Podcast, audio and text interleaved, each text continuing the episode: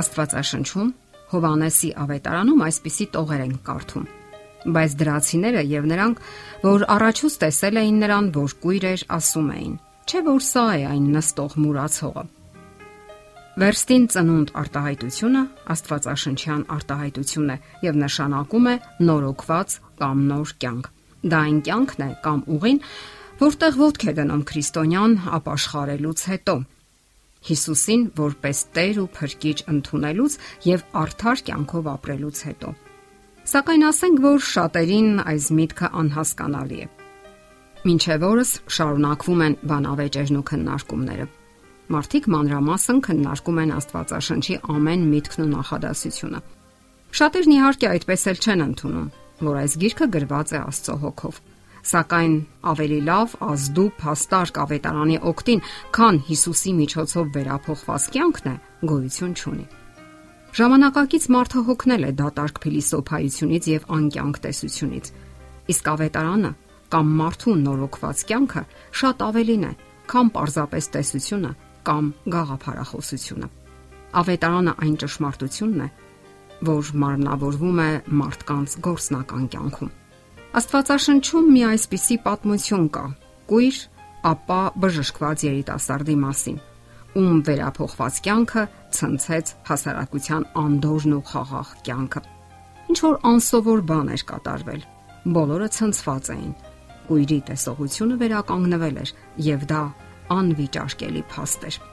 Կասկածամիտներն ու չարամիտները կանչեցին բժշկվածի ծնողներին եւ սկսեցին ճշտումներ անել սակայն հնարավոր չէր շղթել այդ հզոր ու մեծ հրաշքը։ Մարդիկ ընդունակ են աղավաղել խոսքերը կամ պարզապես չհավատալ դրանց, կամ գտնել հակափաստարկներ։ Իսկ ահա շղթել վերափոխված կյանքը ոչ ոք չի կարող։ Փաստերի դեմ հնարավոր չէ հակաճառել, իսկ իրականության դեմ առավել եւս։ Խախտվել էր մինչ այդ հանգիստ ապրող հասարակության անդորը։ Տեղի էր ունեցել անսովորն ու պարզապես անհավատալին վերականգնվել էր կույրի տեսողությունը։ Ահա թե ինչու մարդիկ զարմացած հարցնում էին իրար. Չէ որ սա այն նստող մուրացողն է։ Մի մասը հավատում էր, որ նա է եւ բժշկվել է։ Մյուս մասը կասկածում էր։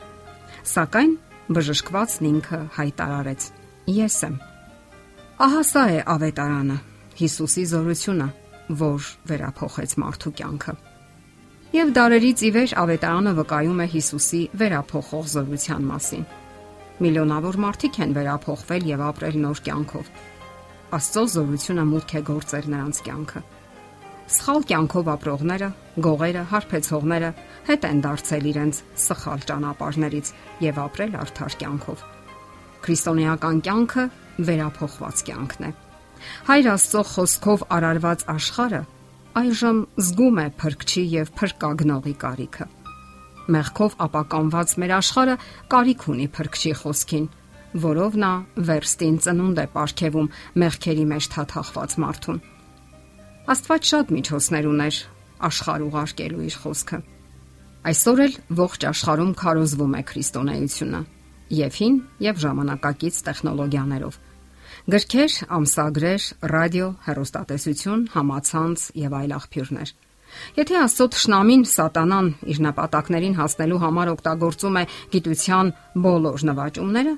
ապա քրիստոնյաներն էլ կարող են դրանք օգտագործել ավետարանը Հիսուսի խոսքը քարոզելու համար։ Դա անհրաժեշտ է հասնելու այն մարդկանց, ովքեր ունեն նորոգված կյանքի կարիքը եւ ովքեր կքել են այս կյանքի հոգսերի ու տագնապների բեռանտակ։ Այն մարդկանց,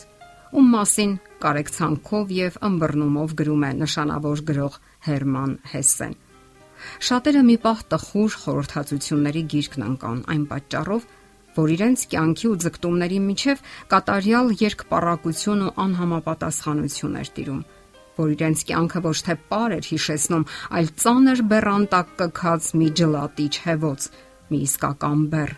որ իրենք էին ըստ էության իրենց ուսերի վրա ինքնական բարթել եւ այժմ ստիպված էին քարշ տալեն։ Սակայն այդ մարտիկ եւ մենք նույնպես միայնակ չենք։ Աստված մեկնում է իր ձեռքը նորոգելու նրանց կյանքը եւ վերստին ծնունդ ապարգևելու։ Հիսուսն ի վիճակի է դա անելու, որովհետեւ Աստվածաշունչը հավաստիացնում է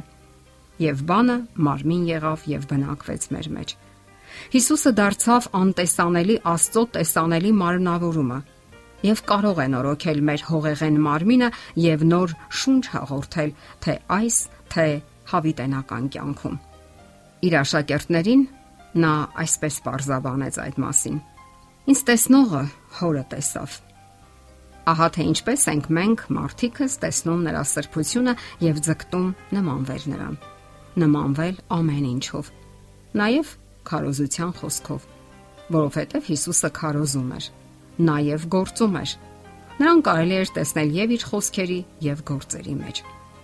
Առաջին աշակերտները հասկացան, որ չկա ավետարան առանց մարմնի եւ չի կարող լինել ուղերձ առանց գործնական կյանքի։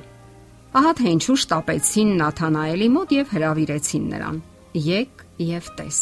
Սա նշանակում է, գնա եւ տես կատարված փաստը։ Խոսքը դարձավ մարմին, դարձավ կյանք, եւ մեր ամենօրյա փորձառությունների մեջ մենք տեսնում ենք նրա փառքն ու բնավորությունը։ Հիսուսը նաև խոսում էր հոգևոր աճի եւ բնավորության զարգացման մասին։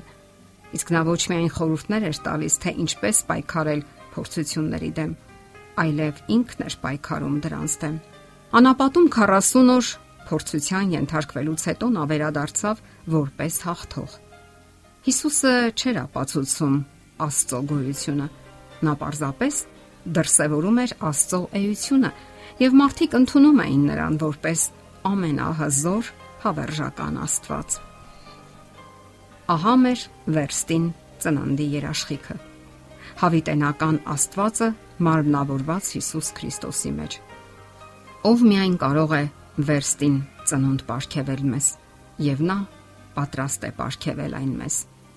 Մնում է միայն դուք ցանկանաք ընդունել այդ ապարքևը։ Ընտրությունը ձերն է։ Եթերում ղողանջ հավերժության հաղորդաշարներ։ Ձեզ հետ է Գեղեցիկ Մարտիրոսյանը։ Հարցերի եւ առաջարկությունների դեպքում զանգահարեք 094 08 2093 հեռախոսահամարով։ Հետևեք մեզ hopmedia.am հասցեով։